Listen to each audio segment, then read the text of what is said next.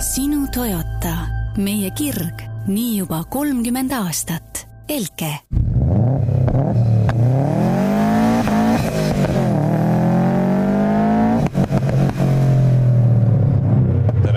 kuulajad-vaatajad, nagu lubatud, siis istmesoojendus on nüüdsest võtnud endale selle teisipäevase päeva, millal hakata ilmuma. ja, ja sellega seoses olemegi Veliga siin stuudios ja, ja hakkame jälle rääkima autojuttu ja noh, mis me siin ikka pikalt sisse juhatame, et räägime siis kohe sellest autost, millest me tegelikult juba mitu korda oleme rääkinud, aga nüüd on. no on ka põhjust. uued huvitavad arengud, on ju. ja, et äh, GR Yaris on siin, mis siin salata, üks, üks minu oodatumaid, oodatumaid uusi sportautosid siin äh, viimasel ajal üleüldse ja noh kuidas saakski suhtuda ühte masinasse, mis on siis ju WRC sugemetega, nelikveoline, kakssada kuuskümmend üks hobujõudu, noh, väga kerge tegelikult tänapäeva auto kohta, alla tuhande kolmesaja kilogrammi. et see on igatahes üks põnevamaid masinaid, mis üldse, üldse siin lähiajal saab olema, ma loodan väga, et me saame seda ka lähiajal sellega sõita. aga. aga jah. miks täna? Miks me täna jälle sellest räägime, me Sest... oleme sellest juba rääkinud kolm ja, korda vist, et. midagi säärast. meil on tulnud mõned uued infokillud, et noh, mõned on siuksed lihtsalt ägedad trivia teadmised, mida võib-olla jagada. et esiteks näiteks see, et seda GR-Yaarist tehakse, on ju käsitööna ühes väikses Jaapani eritehases, mida kutsutaksegi GR Factory'ks ja seal töötab kolmsada neliteist inimest, kes on kõik siis niimoodi välja valitud ülejäänud Toyota tehastest äh, oma töö ja tööeetika ja pühendumuse järgi no,. Ja, jaapanlaste tööeetika on nagu juba kuskil läbi lae ja siis ja, nendest siis on, on veel, valitud koorekiht. täpselt ja nemad seal panevad seda kokku. Äh, sellised paar toredat numbrit nagu kakssada lisakeevitust kandmikul näiteks on mm -hmm. need, mis äh, teevad selle GR Yarise kandmiku äh, ehk siis šassii jäigemaks.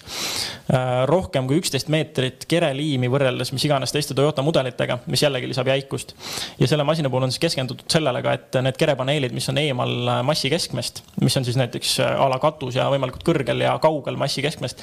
Need on tehtud nii, nii kergeks kui võimalik, et siis siis aidata, aidata seda kaalujaotust ja juhitavust ja tasakaalu säilitada mm. -hmm lisaks veel see, et näiteks kui tehakse sillastendi ja seatakse seal paika kõik äh, külgkalded ja kokkujooksud ja asjad, siis seda tehakse sellisel spetsiaalsel, äh, ma ei saa, ma ei oska öelda, kas alusel äkki, millel siis ei deformeerita rehve, sest et ka rehvide deformatsioonist võivad väiksed mõõtevead sisse tulla.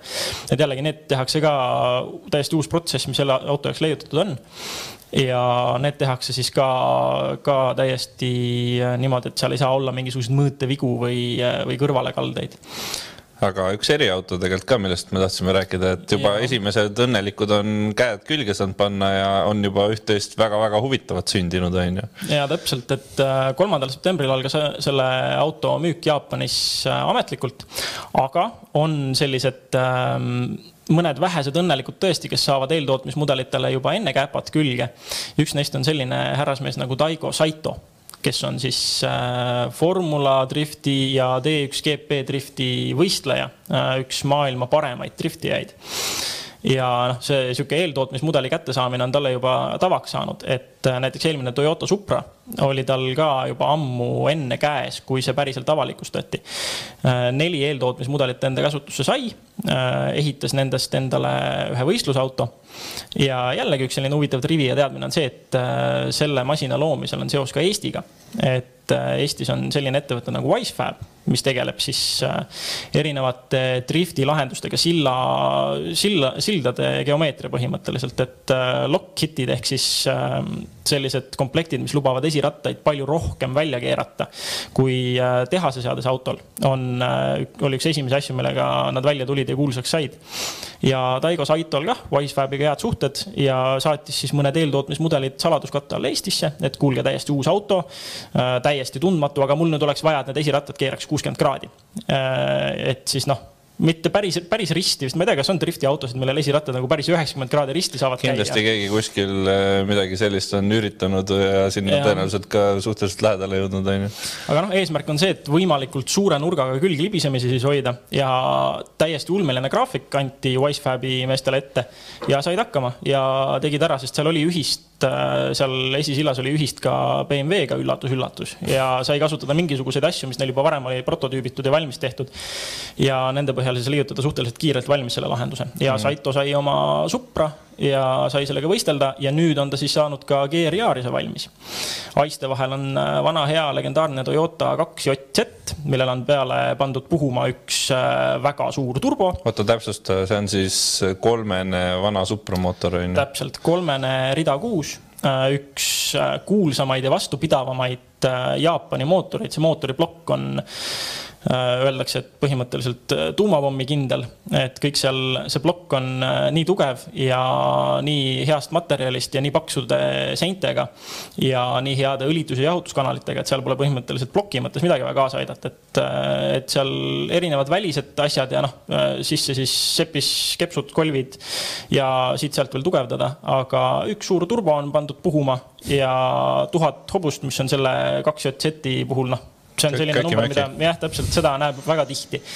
ja mida veel muudetud selle tema GR Yarise juures on, on see, et noh, driftiautoks loomulikult äh, ei kõlba nelikvedu, et äh, ainult tagumised rattad on jäänud seda masinat lükkama ja lisaks. ja no põhiasi jätad rääkimata, ma vaatasin selle no, autole peale, onju, vaatasin peale, mul on äh, väga, ütleme, südames on ikkagi Bandem või Rocket Bunny, kuidas keegi tahab nimetada, need kitid, kerelaiendus äh, nii-öelda siis kitid onju ja, ja sellele GR Yarisele, kuigi ta on ka juba tavaseades, on ikkagi võrdlemisi selline ta lai, lai auto ja. visuaalselt onju, aga sinna on veel nagu juurde keevitatud ja, ja, ja see on nagu see, mulle isiklikult see väga meeldib. ma vaatasin, üritasin üritasin ka sealt äh, Bandemi ja see Rocket Bunny edasimüüjate mm -hmm. lehtedelt natukene kaevata, et kas seal äh, on ka juba see GR-i see kitt nagu väljas, et kas seda on võimalik ka tellida, seda veel ei olnud, onju. aga no ütleme, et äh, üldjoontes selliste uuemate autode neid kitte vaadates ilmselt see hind jääb sinna kuhugi kolme tuhande kuni viie tuhande euro kanti sinna ja. vahemikku, onju. ja see on siis ainult need kerelaiendid, et sinna juurde siis loomulikult värvimine, paigaldamise töö, seal on mõõtmist ja võimalik, et ka lõikamist vaja veel juurde teha, et ega see ega see päris nii lihtne ei ole, et ostad kolme tonniga selle kit'i ja siis äh, paned äh, mingite neetidega külge. aga lõppkokkuvõttes jah, sai Saito Sunny auto jaoks tehtud siis selline spetsiaalne kitt, mis on suhteliselt ka funktsionaalne selles mõttes, et tal on kindlasti aeroefekte, tal on näha nende õhutusavade järgi, et et seal on avad äh, pidurite jahutamiseks, rattakoobastes turbulentsi leevendamiseks, seal on difuusor, seal on splitter, seal on need eesmised veel mingid tuulesuunajad külgede peal pamperil onju. või noh, õhusuunajad, kuidas iganes me neid eesti keeles nimetame ja lõppkokkuvõttes tundub, et see on niisugune suhteliselt funktsionaalne komplekt, mis, mis teeb selle juba niigi väikse kurja putuka veelgi palju kurjemaks. aga jah, äge on see, et, et see selline asi on juba valmis põhimõtteliselt selleks hetkeks, kui see auto ametlikult müüki jõuab. no eks selle nüüd kõige uuema Supraga oli samamoodi, et et, et. no eks osa... mõlema auto puhul ju haip on suur, inimesed ja, on oodanud, eriti just nagu fanaatikud on ju, ja nende jaoks on ju väga oluline ka see, et kõik see tuuning pool oleks seal juba enne olemas, et sa, mitte et sa pead nagu ootama pärast veel poolteist aastat või kaks aastat mm, -hmm. kuni hakkavad ka kõik need tuuning detailid tulema. noh, need kõige prominentsemad tuuningukojad äh, a la siin igasugused äh, HKS-id ja mul ei tule praegu ettegi. Neile on tavaliselt ka antud mingisuguseid äh, mudeleid juba enne kätte, kasvõi mõõtmiseks äh, noh need, ma ei tea, kas sa oled näinud, kuidas mõõdetakse ja mis seadmetega mõõdetakse siin mingisuguseid kerepaneele ja asju, sellised põhimõtteliselt käes hoitav sihuke laserskänner, mis hästi tihedalt mm -hmm. vilgutab ja skännib ja sellega mõõdetakse siis üle, tehakse väga täpne joonis. ja ma ei teagi, kas on mingil, mingitele inimestele üldse veel eeltootmismudelid niimoodi kätte jäetud, et nad saaksid seal ka midagi leiutada või lastakse ainult mõõta ja siis viiakse masinad jälle kusagile kiirelt minema, et midagi jumala eest infot ei lekiks kusagile mujale. aga jah, mingisugune järelturu äh, tugi juba keerab Yarisel on ja kuna see on nüüd avalikult ka päriselt äh, müügis, siis äh, tõenäoliselt saavad külge ka siin äh, siuksed natukene vähem suured tuuningmajad ja varsti see järelturg läheb väga elama, et kindlalt saab sellest üks, üks viimase kümne aasta siukseid hinnatumaid tuuningautosid juba ette, võib öelda no vot, ühesõnaga jääme seda ootama, aga siin ongi nüüd kohane rääkida Eesti autoturust natukene täpsemalt siis äh, nagu erinevad äh, väljaanded siin on selle kohta öelnud, kollaps äh,, mingisugune kokkukukkumine mm, -hmm. tragöödia, häving ja nii edasi, on ju. et äh, eelmise aasta augustiga võrreldes siis äh, tulid need värsked numbrid Äh, on müüdud äh, nelikümmend kaks koma kolm protsenti äh, vähem autosid ja, ja aasta võrdluses siis praegu see aasta on müüdud kokku kolmandik vähem autosid. täpselt ilus kolmandik jah, kolmkümmend kolm koma kolm protsenti. ma vaatasin ka, et väga kaunis protsent. selles mõttes on nagu huvitav, et ühe kuu pealt tegelikult ei olegi kollapsist nagu suurt midagi rääkida, eelmistel kuudel olid nagu tundus, et asjad on juba paranemas ja vaikselt on nagu midagi, midagi on nagu uuesti normaliseerumas, aga nüüd on nagu näha, et uh, uus kriis on natuke peale tulnud, inimesed on uuesti ebakindlamad, samal ajal uh, automüüjad ka võib-olla ei ole nii palju pakkunud mingisuguseid eripakkumisi, kui inimesed oleks oodanud ja need, kes on lükanud kogu aeg oma auto ostu edasi, noh, ma ise tean täpselt paari sellist mm -hmm. inimest, kes mõelda, okei okay,, et noh, et praegu on ju see kriis ja mingil ja. hetkel äh, küll autotootjad nagu kohanevad ja pakuvad ka mingeid häid hindu, on ju. siis tegelikult uh, seda ei ole ka siiamaani tulnud, et selles mõttes on see nagu huvitav, et uh, siin ongi, küsimus on see, et kas autotootjad elavad siis nii nii väikse marginaali peal, et ei olegi enam kuhugi lasta või, või mis see küsimus siin on, on ju. jah, ühesõnaga tõenäoliselt räägime siin äh, mingisuguses lähemas perspektiivis ka üldisemast äh, hinnalangusest, kuna siin on näiteks äh, augustikuus kõikide asjade hinnad langesid null koma üheksa protsenti võrreldes eelmise aastaga. etselt. kuna kütuse hind langes ja nii edasi, et. kütuse hind on siin väga suur faktor tegelikult, transport on üks kahest põhilisest asjast, mis, mille hind kukkus ja mis selle üldise protsendi on ajanud siin null koma üheksa. no eriti Eesti puhul on ju, et me tegelikult oleme ikkagi Euroopa ja ka maailma mõistes täiesti normaalses kohas ja, ja siia asjade toomine nõuab eraldi pingutust ja, ja see tingib ka selle, et asjad on kallimad. aga lähmegi siit nagu sujuvalt järgmisesse teemasse. kellel see, ei ole kriisi käes. kellel ei ole jah kriisi eestlaste sihuke luksus ja sportautode lembus, et äh, ilmselt see ei läinud nagu ühegi autohuvilise kõrvust mööda see uudis, et see äh, Eestisse rajatud Ferrari esindus siis müüs enda, mis oli aastanormi. selleks aastaks planeeritud norm oli jah, neil viis autot ja see oli, mis kahe, kahe nädalaga? see oli jah, nädalate küsimus ühesõnaga onju.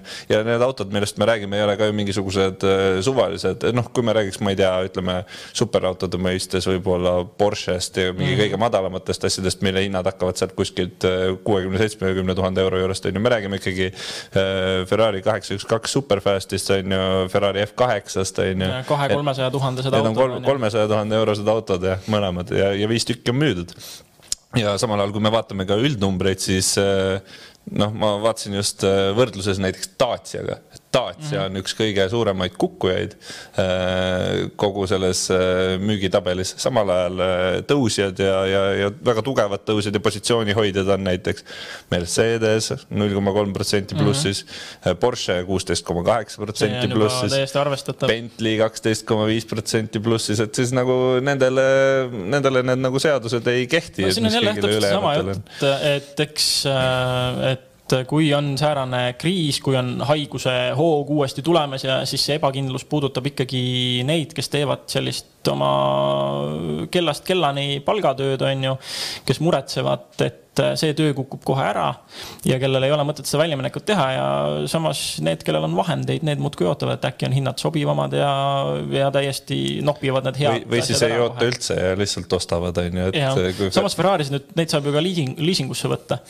et et. Äh, ja, aga ütleme niimoodi, et äh, ma ütleks, ka see inimene, kes võtab Ferrari liisingusse tõenäoliselt, et ka tal peab seda raha ikkagi olema. jah, siin on äh, ainuüksi see liisingmakse on vist tõenäoliselt kusagil no, sihuke kolm-neli tuhat. pluss kindlustus on ju ja, ja seal nagu tulevad päris kenad summad juba kokku, et ma arvan, et üldjoontes on ikkagi mõistlikum, kui raha on see Ferrari osta endale, kui hakata siin liisima. aga tegelikult ka tänavapildis on näha, et eestlased on üha enam selliste sportlikumate ja, ja luksuslikumate autode poole vaatamas, et ma olen ise nagu teadlikult vaadanud viimasel ajal hästi palju on igasuguseid AMG mm -hmm. Mersusid, igasuguseid M-seeria BMW-sid, rääkimata siis mingisugustest äh, äh, R-idest, GTI-dest, kõigest muust sellisest odavamast sportlikumast asjast, on ju. Subarusid, STI-sid ma olen mm viimasel ajal väga palju näinud. et ma just vaatasin täna hommikul, nägin ühte kuulutust, mille oli pannud üks ettevõte, mis toob välismaalt siis autosid Eestisse mm -hmm. ja oli pannud, et just värskelt oli toodud näiteks Aston Martin DB11 Otsa. Mis jälle näitab seda, et mõnel inimesel ei ole siin kriisis nagu mingit probleemi. ja tegelikult ka Acceleristas te tegite väikse kokkuvõtte sellest mm, -hmm. mis, mida, mida üldse Eesti automüügiportaalidest võib leida, mis on need kõige kallimad masinad, on ju noh, nende puhul tuleb ka mingi sellise kerge kriitikaga vist nendesse suhtuda, et kui ma ise olen sinna vaadanud, on ju, siis tihti on see, et auto ei asu Eestis, auto on tellimisel, mingi viie päevaga tuuakse siia, on ju, aga aga noh, kui me siin vaatame, mis siin on kõige kallimad, Porsche üheksa üks üks GT2 RS näiteks, kahe tuhande kaheksateistkümnenda aasta oma ja, ja kena hinnakene kolmsada kuuskümmend üheksa tuhat. Mhm. Äh, mul korra, korra tuli peale see vana krooni, krooni ümberarvutajad, mul reaalselt see on rohkem kui viie miljoni kroonine auto, et need on summad, mida ma. see on summa, mida ei tahagi nagu kroonidesse isegi ümber panna, et ka, ka kolmsada kuuskümmend üheksa tuhat krooni auto eest oleks olnud juba niisugune mõtlemise koht no,. jah, et juba kõrgema otsa auto on ju ja nüüd mõelda, et, et et viis miljonit. väike, väike korrutus ja, ja siis äh, sobib küll. no ja siis äh, muidugi seesama Ferrari kaheksa üks kaks on ju, mhm. millest me juba rääkisime.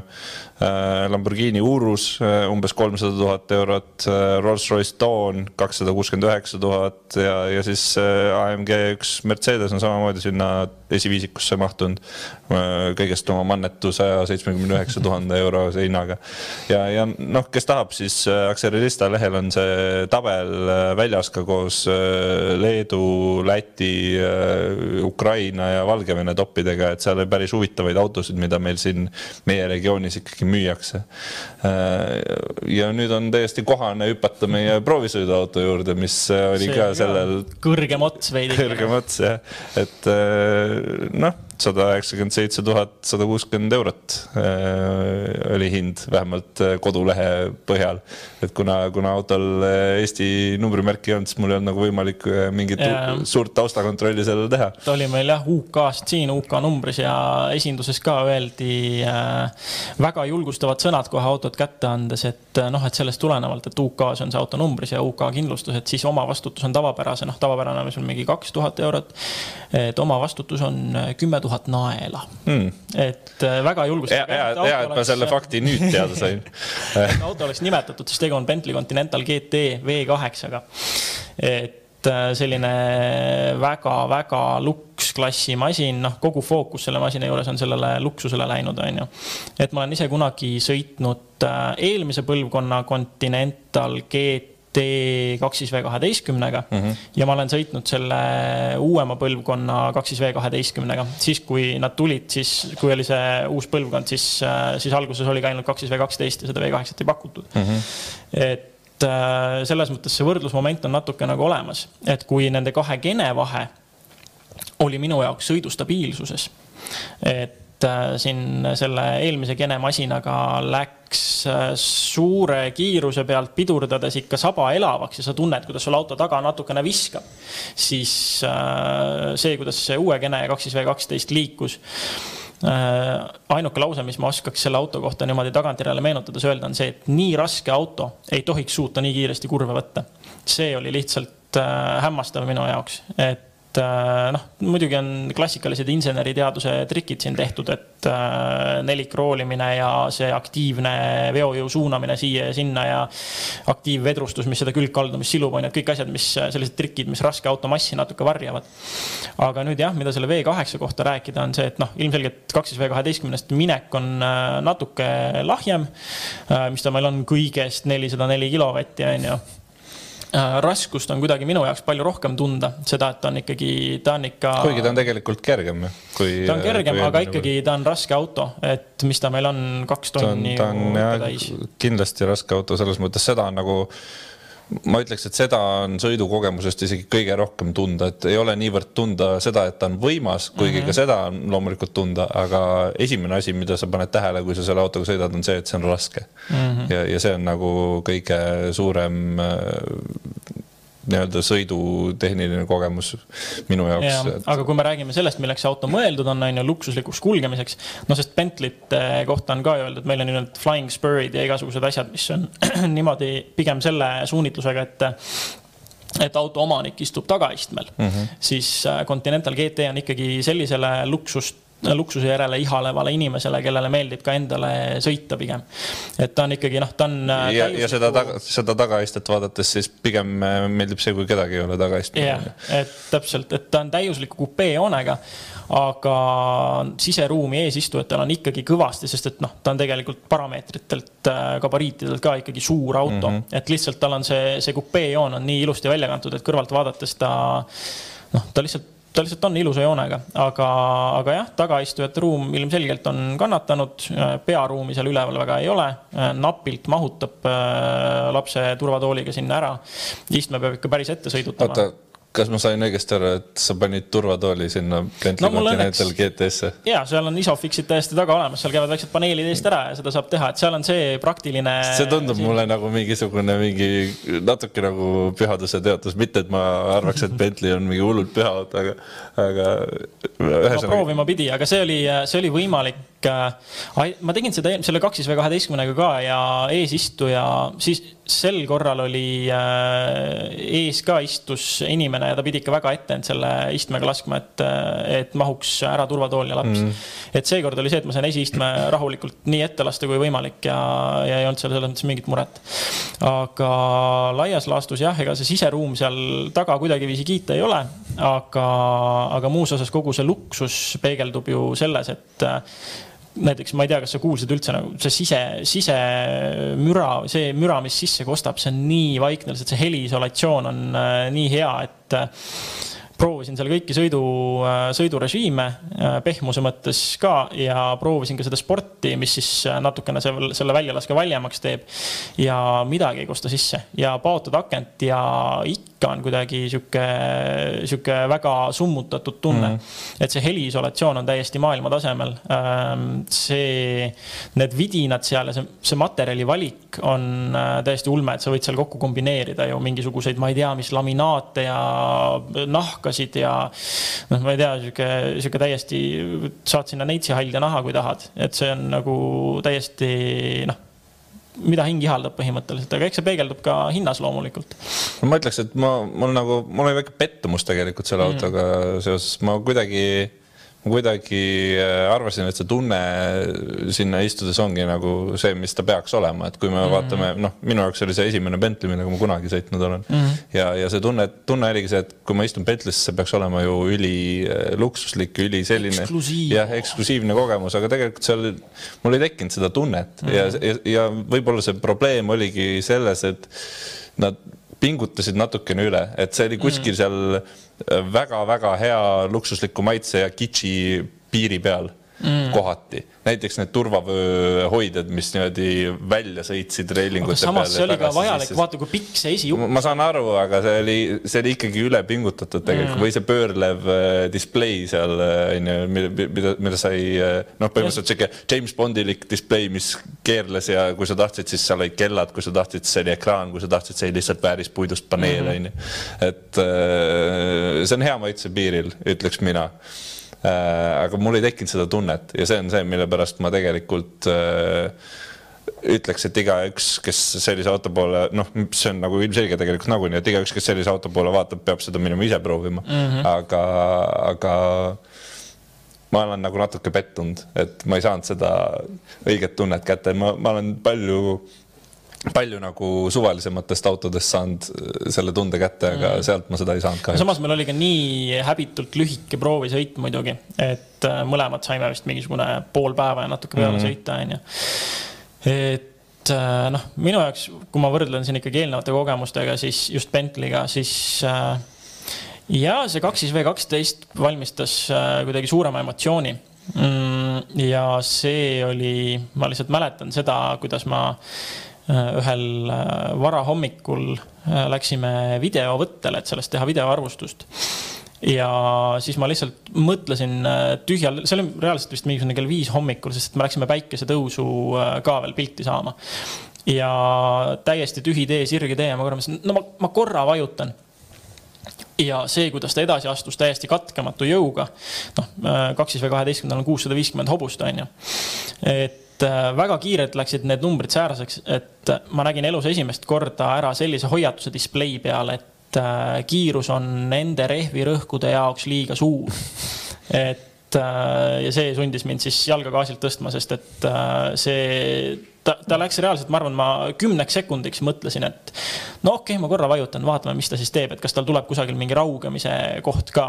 no ei tulnud ta mm. oleks, ta oleks edasi astunud ja ta oleks edasi astunud seal äh, tahtmise korral ilusti kolmesajani ja rohkemgi. ja, ja no minu proovisõit oli ülilühike ja ma tundsin täpselt sedasama asja, kuna ma sõitsin nagu üheksakümmend protsenti sellest linnast, siis mm -hmm. see ei ole isegi selle auto võimete piiri nagu, see ei ole isegi mm -hmm. kuhugi horisondile veel tulnud yeah.. et äh, selleks oleks vaja mingit tühja lennuvälja mm, -hmm. kus olekski nagu ruumi ja minna ja, ja siis saaks seda teha, aga aga, aga see jah. jah, selle masina jalgade sirutamine on jah selline asi, et see on väga kiirelt väga kriminaalne, kui see ei ole kusagil kõrvalises kohas ja noh, lõppkokkuvõttes võtab jah, ka selle V8-ga ikkagi see lause kokku, et äh, nii raske ja suur auto ei tohiks osata niimoodi liikuda, see on lihtsalt, äh, see on kummastav minu jaoks.